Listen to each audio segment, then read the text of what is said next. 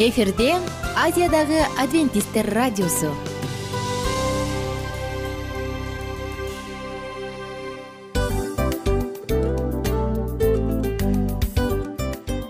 Достор салют. Баардык сүйүктүү угармандарыбызга салам айтабыз. Кутман күнүңүздөр менен.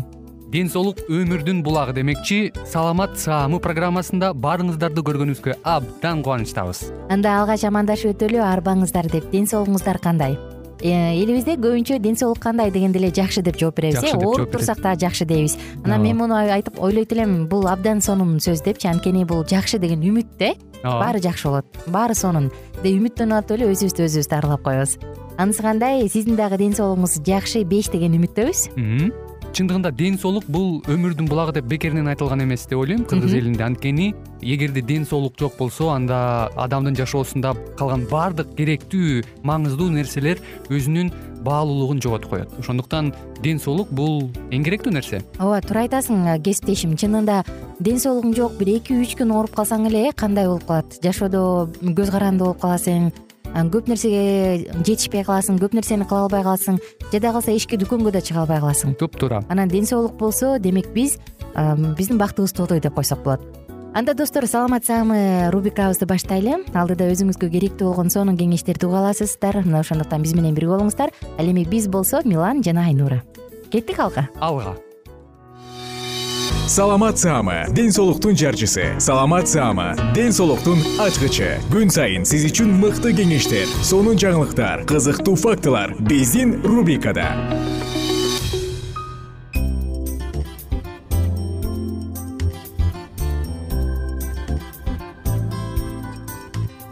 кутмандуу куш убак күнүңүздөр менен кадырлуу замандаштар биздин баардык сүйүктүү угармандарыбыз жалпыңыздар менен амандашып саламат саама темасын баштадык. Жана бүгүнкү темабыз депрессияга арналмакчы.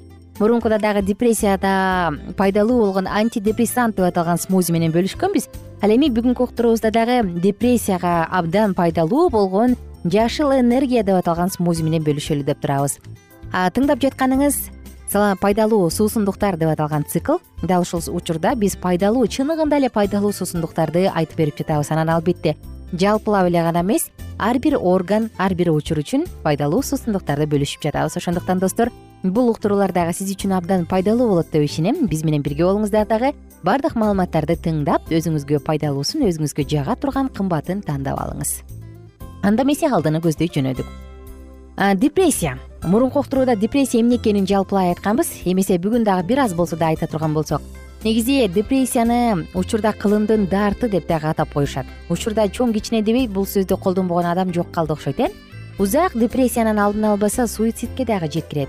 Кызыгы окумуштуулар бул дарттын дагы оң таасирлери бар экенин айтып чыгышкан депрессия жан дүйнөнүн дартка чалдыгышы аны денеге кандайдыр бир вирус кирип алгандай элестетсе болот. Айрымдар табиятынан пессимист келип болбогон нерселерден улам стресс боло берсе кээ бирлери ар түрдүү факторлордон ажырашуу жумуштан ажыроо иши жүрүшпөө жакын адамын жоготуу жана башка ушундан улам дагы депрессияга түшүп калат экен психологдордун айтымында сезондук депрессиядан чыгуу оңой.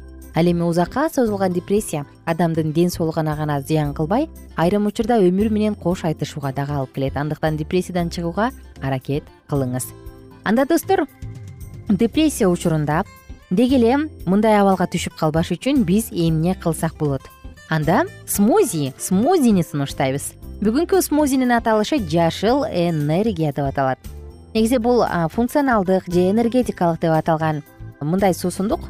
Бизде жөн гана жөн гана кандай десем жапжашыл гана болуп жагымсыз болуп калбастан ал бизге абдан дагы пайдалуу. Мына ошондуктан бүгүнкү айта турган жашыл энергия анын курамында эң эле пайдалуу ингредиенттер бар. Алардын баардыгы тең адамды сергитүүчү мыкты касиетке ээ мейли сизде депрессия барбы же депрессия жокпу? Эч нерсеге карабастан сиз жашыл энергия деп аталган смузини ичип турсаңыз маанайыңыз көтөрүлөт. Анткени анын курамында б тобундагы витаминдер. Анын ичинен б тогуз витамини дагы бар экенин эске сала кетели фалат дагы бар. Булардын баардыгы тең депрессиялык абалды жакшыртууга жана айыктырууга абдан пайдалуу жашыл энергия деп аталган смузи жөн гана бир гана таттуу болбостон ал азыктандыруучу дагы касиетке. Ээ ошондуктан организмдин баардык функцияларын жандандырат дагы нерв системасына байланыштуу болгон баардык баардык функция жанданат. Эртең мененкисин ичкен абдан идеалдуу. Ошондуктан колдон келсе жашыл энергия смозисин эртең мененкисин таңкы тамак нан иш учурунда ичип койгонду унутпаңыз организмди энергия менен толуктайт. Ошондой эле достор эгерде сиз күнүнө күн сайын бирден стакан кылып он беш күн катары менен ичип кое турган болсоңуз анда депрессиялык абалдан чыга аласыз. Ингредиенттер. Жашыл смози деп аталган жашыл энергия деп аталган смози үчүн ингредиент. Сизге эки порция үчүн биз ингредиенттерди айталы. Эмне керек? Бир чашка шпинат эки банан орточо өлчөмдөгү бир чашка соя сүтү эки аш кашык лимон ширеси эми шпинат банандын баардыгын тең блендерге салыңыз. Ага соя сүтүн кошуңуз дагы. Анан абдан жакшылап бирдей консистенция пайда болгончокто аралаштырыңыз.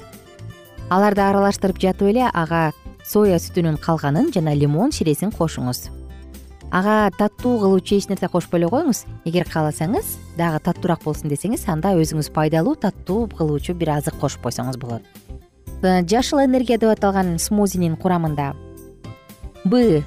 Витамин к тобундагы витаминдер б тобундагы витаминдер фалат с тобундагы витамин магний калий селен витамин б бир ниацин темир кальций цинк. Мына булардын баардыгы бар.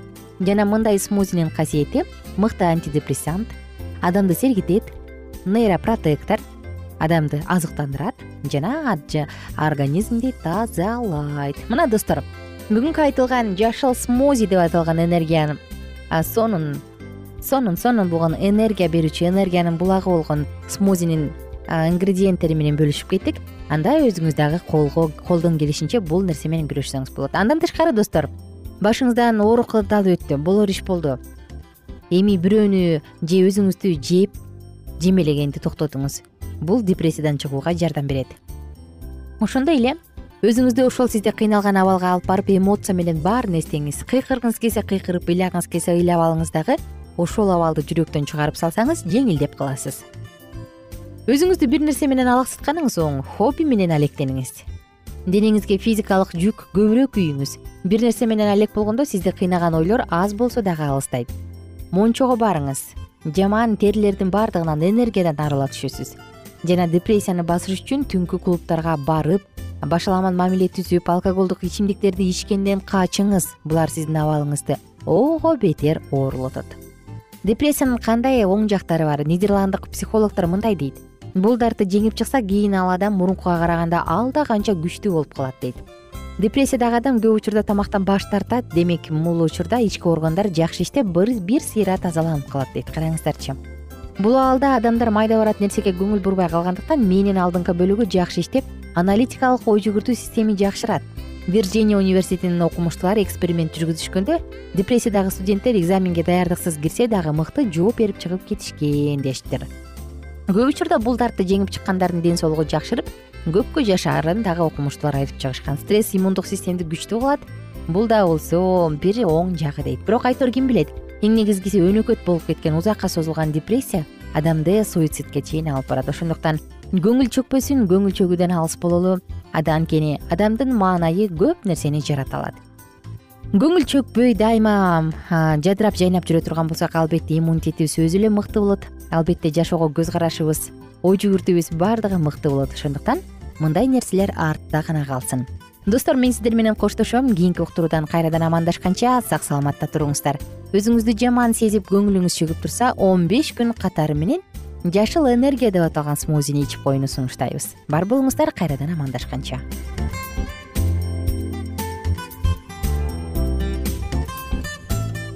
Кененирээк маалыматтар үчүн үч w чекит саламат чекит клуб сайтына келип таанышыңыздар. Жана андан тышкары социалдык тармактарда youtube facebook жана instagram баракчаларына катталыңыз саламат саама ден соолуктун жарчысы. Саламат саама ден соолуктун ачкычы. Күн сайын сиз үчүн мыкты кеңештер сонун жаңылыктар кызыктуу фактылар биздин рубрикада.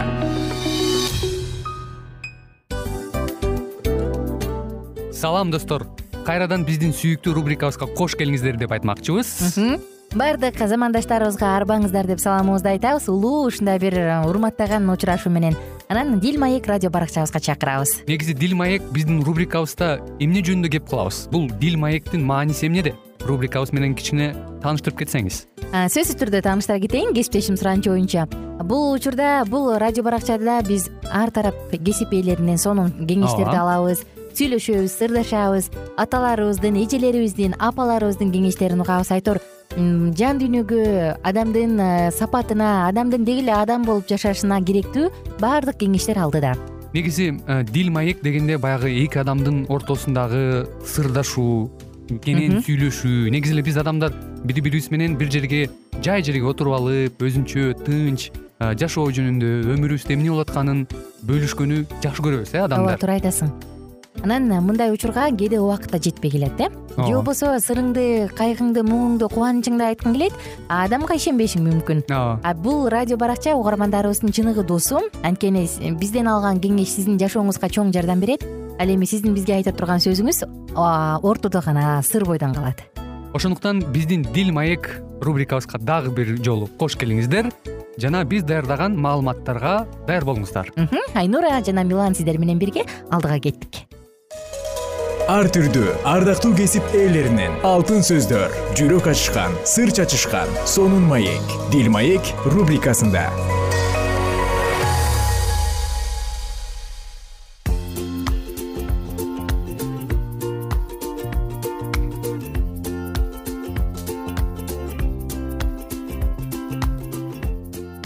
Кутман күнүңүздөр менен замандаштар салам достор. Жалпыңыздарга салам айтабыз. Жана сиздер менен кайрадан бактылуу үй бүлө деп аталган циклдебизди улантабыз дил маек уктуруусу. Бүгүн сиздер менен үнөмдүүлүк жөнүндө сөз кылалы. Үнөмдүүлүк үнөмдөө үнөмдөп жашап атып тажадым дегендер бар. Же болбосо мен үнөмдөп жеткирем баардыгына бир аз бир аздан кылып дегендер бар. Же үнөмдөө эмне экенин билбей эркин туруп басып эркин каалаганын жеп каалаганын алып жашагандар бар. Анысы кандай? Бүгүн үнөмдөө жөнүндө сөз кылалы бир нерсенин ченемин билүү сезиминин жок болушу же тажрыйбанын жоктугу ар дайым капчыкты бошотуп турат. Жана баары бир адам мындай деп ойлонушу мүмкүн да. Мен жакшы жагдайга иш кылып жатам. Анткени ал эч качан өзүнүн каалоосун же балдарынын каалоолорун чектөөгө үйрөнгөн эмес. Жана эч качан жайгаштырууну билүүнү үй иштериндеги ченем сезимдерин өстүргөн эмес. Ошондуктан ушуга окшош эле үй бүлөнү кармоодо ушундай эле мүчөлөрдөн турган үнөмчүл үй бүлөгө караганда эки эсе көп каражат талап кылынуусу мүмкүн. Баары үй бүлөлүк бухгалтерияны алып жүрүүгө үйрөнүшү керек. Кээ бир адамдар бул ишти экинчи сорттогу иш катары эсептешип көңүл коштук мамиле кылышат. Бирок бул туура эмес. Баардык чыгымдарды так бөлүштүрүп туруу зарыл. Эгерде силер ыксыз сарп кылууга жакын болсоңор бул жетишпестиктен биротоло арылууга аракеттенгиле. Үнөмчүлдүккө эмгекти сүйүүчүлүккө жана орточолукка умтулуу силердин балдарыңарга калтырылган байлыкка караганда жакшы үлүш алып келет. Өз балдарыңарга силердин аларга болгон сүйүүңөр алардын каалаганын аткаруу деген сезимдерди куйбагыла акчаны сарп кылуу үчүн баардык жаңы ыкмаларды ойлоп таппагыла өзүңөрдүн ойлоп табуучулугуңарды кантип үнөмчүл жашоо керектигине колдонгула. Жаштардын көнүмүш адаттары болуп үнөмдүүлүккө кош көңүлдүүлүк менен жеңил ойлуулук менен карашкандыгы саналат алар муну ысырапчылык жана чектөөчүлүк менен чаташтырып коюшат. Бирок үнөмчүлдүк өтө кеңири жана көпшөөктүк боштук көз карашта ойлорду айкалышып турат. Үнөмдүк жок жерде чыныгы айкөлдүк дагы болушу мүмкүн эмес. Эч ким өзүнүн үнөмдүүлүккө окуусун өз кызыкчылыгында төмөнкү даражага койбошу керек. Каражаттарды акыл эстүүлүк менен бөлүштүрүү зарыл үнөмдүүлүк сараңдык эмес ал каражатты акыл эстүүлүк менен пайдаланууну билдирет дейт. Караңыздарчы. Эми каражаттарды акыл эстүүлүк менен бөлүштүрүү жөнүндө эмнени айта алабыз? Үй бүлөдө жайлуулук жана тынчтык болуш үчүн көп нерселер зарыл.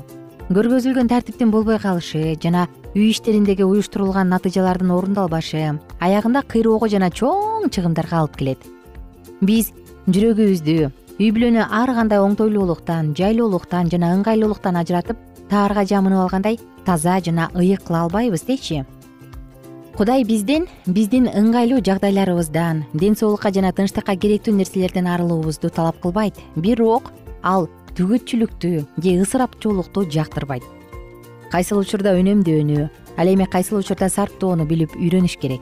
Кээде бошоп калган илмекти чогултуп алып бир нерсени токууга жыртылган чекелерин байлоого туура келет силер өзүңөрдүн кызыкчылыгыңар үчүн кичинекей сарптоолорду каалоолоруңардын канагаттануусуна жана жаңылыктын талап кылууларына жана таңдагычтыкка канча кетти эсептеп белгилеп турушуңар керек. Кереги жок буюмдарга чыгымдалган акчалар силердин үйүңөрдө жагымдуулук жана ыңгайлуулук кошууга жардам бермек. Силер жакыр болушуңар керек эмес. Силер өзүңөргө өзүңөр жана жакындарыңарга ак ниет болушуңар керек. Сараңдык бул кудайдын беришендигин шылдыңдагандык бирок ысырап кылуучулук дагы ошондой эле шылдыңдагандык болуп саналат. Силер көңүл бургуңар келбеген кичинекей чыгымдар үчүн дагы бир учурда эсеп берүүгө туура келет. Караңыздарчы достор чындыгында биз маани бербеген нерселер бар э? Ой эмне экен? Иштеп таап атпаймынбы деген. Мисалы бул тема мага абдан жакты себеби дегенде кээде айлык алып туруп анан кийинки айга жетет о мынча акча алдым дейсиң жакшы эле. Бирок айдын ортосуна келгенде эле акчаң жок калып баягы каткан жериңде акчаң бөксөрүп эч нерсе калбай калганын байкайсың дагы анан ии эми эмне кылам? Деп айла жок аванс алыш керек болот. Анан кайра барып кайра кийинки карызга илиниш керек болот. Мына ушинтип ата туруп көптөгөн көйгөйлөр артта калып калат эмеспи. Ошондуктан достор чындыгында үнөмдөөнү билүү үнөмдүүлүккө үйрөнүү бул абдан зарыл үй бүлөдө үнөмдүүлүк сараңдык эмес ал каражатты акыл эстүүлүк менен пайдаланууну билдирет деп атпайбы үй бүлөдө көптөгөн көйгөйлөр ушул материалдык негизде материалдык фундаментте келип чыгат э. Мисалы мисалы биз байкабай калдык бирок байкабай калганы менен чоң карыздар болуп кетти. Мен өзүмдүн жашоомдо ушундай болгон. Жолдошум экөөбүз тең аябай иштейбиз дагы анан айдын аягына келгенде эле акча жок бирок көп эле акча тапкандай болосуң каяка кетти каяка бардык эмне кылдык дегенде мындай көрүнөрлүк деле укмуштуу расход жок чыгым бирок акча жок. Анан кой бул нерсени алдын алыш үчүн мындай нерсе кайталанбаш үчүн жазайын дедим дагы кадимкидей эле блокнот кагаз алып алып туруп анан күнүгө ар бир расходумду жаза баштадым. Нан алдым сүт алдым эт алдым ата энебиздикине барып мындай өрүк алма банан алып бардык деген сыяктуу ошонун баарысын суммасын жаза келгенде айдын аягында биз канча акча тапканыбыз анан канча акча сарптап жатканыбыз айкын болуп калды да. Анан мен жолдошума көргөзүп атпаймынбы каякта каякта дейсиң мына карачы биз моунча акча коротуп экенбиз? Деп анан аны болушунча колдон келишинче баягы керексиз расходторду чыгарып салганга аракет кылдык. Керексиз расходторду чыгарып салган салгандан кийин деле баары бир деле чоң чоң расходтор бар экен да. Анан а бул нерселер көрсө болуп турат экен. А бул нерсени кылбай койсок акчабызды үнөмдөй алат экенбиз деп санап санап отуруп анан өзүбүзчө сүйлөшүп анда кел акчабызды ушундай кылып үнөмдөйлү деген чечимге келдик. Анысы кандай? Бул жакшы ыкма деп айтмакмын. Өзгөчө жаңы үй бүлө курган болсоңуз ар бир расходду жазып ар бирин санап канча расходду каяка кетирип атабыз? Канча акчабызды кийим кечекке канча акчабызды тамак ашка канчасын эс алууга коротуп атабыз? Бул нерсенин баардыгын билип алуу албетте бизди үнөмдүүлүккө үйрөтөт. Ошондуктан достор эринбеңиздер калемсап кагазды дайыма оңой жерге коюп коюңуз дагы ар бир алган нерсени ар бир чыгымды жазып туруңуз. Ошондо биз өзүбүздүн акчабыз каяка кетип атканын канча жыртыкты бүтөй алганыбызды мына мунун баарын көрөбүз. Достор мен сиздер менен коштошчу учурга келдим. Ар бир үй бүлөгө кааларыбыз. Бар болсун бирок ысырапчылык болбосун ашып турсун бирок ысырапчылык болбосун деген тилек менен гана саатыбызды жыйынтыктамакмын. Кийинки уктуруудан кайрадан амандашабыз. Күнүңүздөр көңүлдүү улансын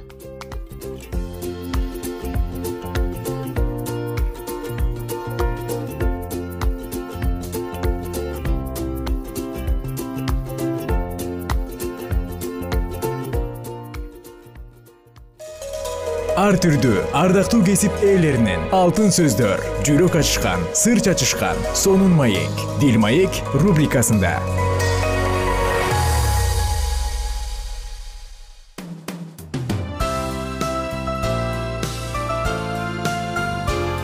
Эфирде азиядагы адвентисттер радиосу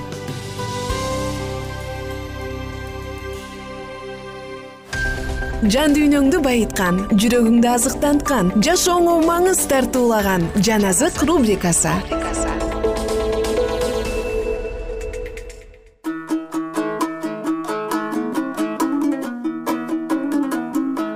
Кутмандуу күнүңүздөр менен кадырлуу замандаштар биздин сүйүктүү угармандарыбыз жалпыңыздар менен амандашып биз э, сиздер менен бирге жакан жазган жакшы кабарды улантабыз бул үчүнчү биздин сегмент үчүнчү рубрикабыз жан азык рубрикасы. Жан дүйнөбүздү биз менен бирге азыктандырыңыз. Жакан жазган жакшы кабар тогузунчу бөлүм. Тубаса сокур адамдын айыгуусу ыйса кетип бара жатып тубаса сокур адамды көрдү. Шакирттери андан устат бул кишинин сокур болуп төрөлүшүнө кимдин күнөөсү себеп болду? Өзүнүкүбү же ата энесиникиби деп сурашты ыйса мындай деп жооп берди. Өзүнүкү да ата энесиники да себеп болгон жок. Анын жашоосунда кудайдын кудурети көрсөтүлүш үчүн ушундай болду. Күндүз мени жибергендин иштерин кылышым керек. Түн келет ошондо эч ким эч нерсе кыла албай калат. Мен бул дүйнөдө болуп турганда дүйнөнүн жарыгымын ушул сөздү айткандан кийин ал жерге түкүрүп топурактан ылай жасады да аны сокур адамдын көзүнө сүйкөп мындай деди. Силоом көлбөсүнө барып жуун ал барып жуунганда көзү ачылды. Ал кайтып келгенде коңшулары да анын мурун сокур экенин көргөндөр бул киши ушул жерде кайыр сурап отурган киши эмеспи? деп жатышты. Бирөөлөрү ошол дешсе бирөөлөрү жок бул ошого окшош экен дешти. Өзү болсо ошол менмин деди. Ошондо алар андан көздөрүң кантип ачылды? Деп сурашты. Ал мындай деп жооп берди. Ыйса деген киши ылай жасап көзүмө сүйкөп силоом көлмөсүнө барып жуун деди. Мен барып жуундум ошондо көздөрүм ачылды алар андан ал кайда? деп сурашты. Билбейм деп жооп берди ал. Ошондо алар мурун сокур болгон кишини фариселердин алдына алып барышты. Ыйса ылай жасап анын көзүн ачкан күн ишемби күн болчу. Фариселер да ал кишиден көзүнүн кантип көрүп калганын сурашты. Ал көзүмө ылай сүйкөдү анан мен жуундум. Азыр көзүм көрүп жатат деп жооп берди ал. Ошондо фариселердин кээ бирөөлөрү ал адам кудайдан эмес анткени ишемби күнүн сактабайт экен дешсе кээ бирөөлөрү күнөөкөр адам ушундай кереметтерди жасай алмак беле дешти. Ошентип алардын арасында талаш чыгып кетти. Анан алар сокур адамдан ал сенин көзүңдү ачпадыбы ал тууралуу сен эмне дейсиң? деп дагы сурашты. Ошондо ал ал пайгамбар деп жооп берди. Бирок жүйүттөр көзү ачылган кишинин мурда сокур экенине азыр көрүп калгандыгына ата энесин чакыртып келмейинче ишенишкен жок алардан. Сокур болуп төрөлгөн балаңар ушулбу азыр ал кандайча көрүп калды деп сурашты. Ата энеси аларга бул биздин балабыз анын сокур болуп төрөлгөнү чын. Бирок азыр анын көзү кандайча көрүп калгандыгын билбейбиз көзүн ким ачканын да билбейбиз бала эмес го өзүнөн сурагыла өзү айтып берсин деп жооп беришти. Ата энеси жүйүттөрдөн корккондуктан ушинтип жооп берди. Анткени жүйүттөр ким аны машаяк деп кабыл ала турган болсо ал синагогадан чыгарылсын деген чечим чыгарып коюшкан эле. Ошондуктан ата энеси бала эмес го өзүнөн сурагыла деген эле. Ошондо фариселер мунун сокур болгон кишини экинчи ирет чакыртышты да кудай алдында чыныңды айт биз ал адамдын күнөөкөр экендигин билебиз дешти. Ал мындай деп жооп берди. Анын күнөөкөр же күнөөкөр эмес экенин билбейм. Бир гана нерсени билем. Мен сокур болчумун. Азыр көзүм көрүп калды ал сага эмне кылды? Көзүңдү кантип ачты деп алар дагы сурашты. Айтып эле жатпаймынбы өзүңөр укпай жатасыңар го. Дагы эмнени уккуңар келет? Же силер да анын шакирти болгуңар келип жатабы деп жооп берди ал анын шакирти сенсиң биз болсо мусанын шакирттерибиз деп фариселер аны жекиришти да. Кудайдын мусага сүйлөгөнүн билебиз ал эми жанагынын кайдан келгенин билбейбиз дешти. Ошондо көзү көрүп калган адам аларга мындай деп жооп берди. Анын кайдан келгенин билбегениңер кызык экен ал менин көзүмдү ачпадыбы кудайдын күнөөкөрлөрдү укпай тургандыгын билебиз бирок ким кудайдан коркуп анын эркин аткарса кудай аны угат бирөө тубаса сокурдун көзүн ачты дегенди эч ким эч качан уккан эмес. Эгерде ал адам кудайдан болбосо мындай ишти кыла алмак эмес. Ошондо алар күнөөкөр болуп төрөлгөн сен бизде окуткуң барбы? деп аны ыйбадатканадан кууп чыгышты аны ыйбадатканадан кууп чыгышканын ыйса укканда аны таап. Сен кудайдын уулуна ишенесиңби деп сурады. Ал ага мырза ал ким? Мен ага ишенейин деди. Ыйса ага сен аны көрдүң. Ал азыр сени менен сүйлөшүп жатат деди. Ошондо ал ишенем теңир деп ага таазим кылды. Анан ыйса мен бул дүйнөгө көзү көрбөгөндөр көрсүн көргөндөр сокур болсун деп өкүм чыгаруу үчүн келгем деди. Анын жанында турган кээ бир фаристейлер муну укканда эмне биз да сокурбузбу дешти. Ыйса аларга мындай деди. Эгерде сокур болсоңор анда мойнуңарда күнөө жок болмок. Бирок көзүбүз көрөт деп жатканыңар үчүн күнөөңөр мойнуңарда калат онунчу бөлүм. Чындыкты силерге чындыкты айтып коеюн ким кой короого эшиктен кирбей башка жагынан кирсе. Ал ууруу жана каракчы. Ал эми ким эшиктен кирсе ал койчу. Кароолчу ага эшикти ачып берет койлор анын үнүн угушат. Ал өзүнүн койлорун атынан чакырат аларды тышка чыгарат. Ал өзүнүн койлорун тышка чыгаргандан кийин алардын алдында басат. Ал эми койлору анын артынан ээрчишет анткени алар анын үнүн таанышат чоочун кишини ээрчишпейт. Андан качышат анткени анын үнүн таанышпайт. Ыйса айтып берген бул үлгү насаат аңгеменин маанисин алар түшүнүшкөн жок. Ошондо ыйса аларга дагы мындай деди. Чындыкты силерге чындыкты айтып коеюн мен койлор кире турган эшикмин. Менден мурун келгендердин баары ууру жана каракчы. Бирок койлор аларды угушкан жок. Мен эшикмин ким мен аркылуу кирсе ал куткарылат. Кирет чыгат жана жайыт табат. Ууру урдоо өлтүрүү жана жок кылуу үчүн гана кирет. Мен адамдардын өмүргө ашып ташыган өмүргө ээ болуш үчүн келдим.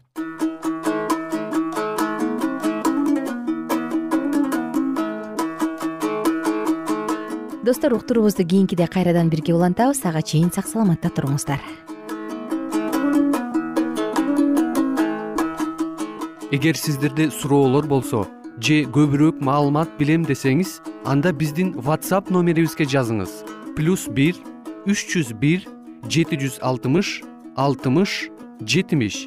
Кайрадан плюс бир үч жүз бир жети жүз алтымыш алтымыш жетимиш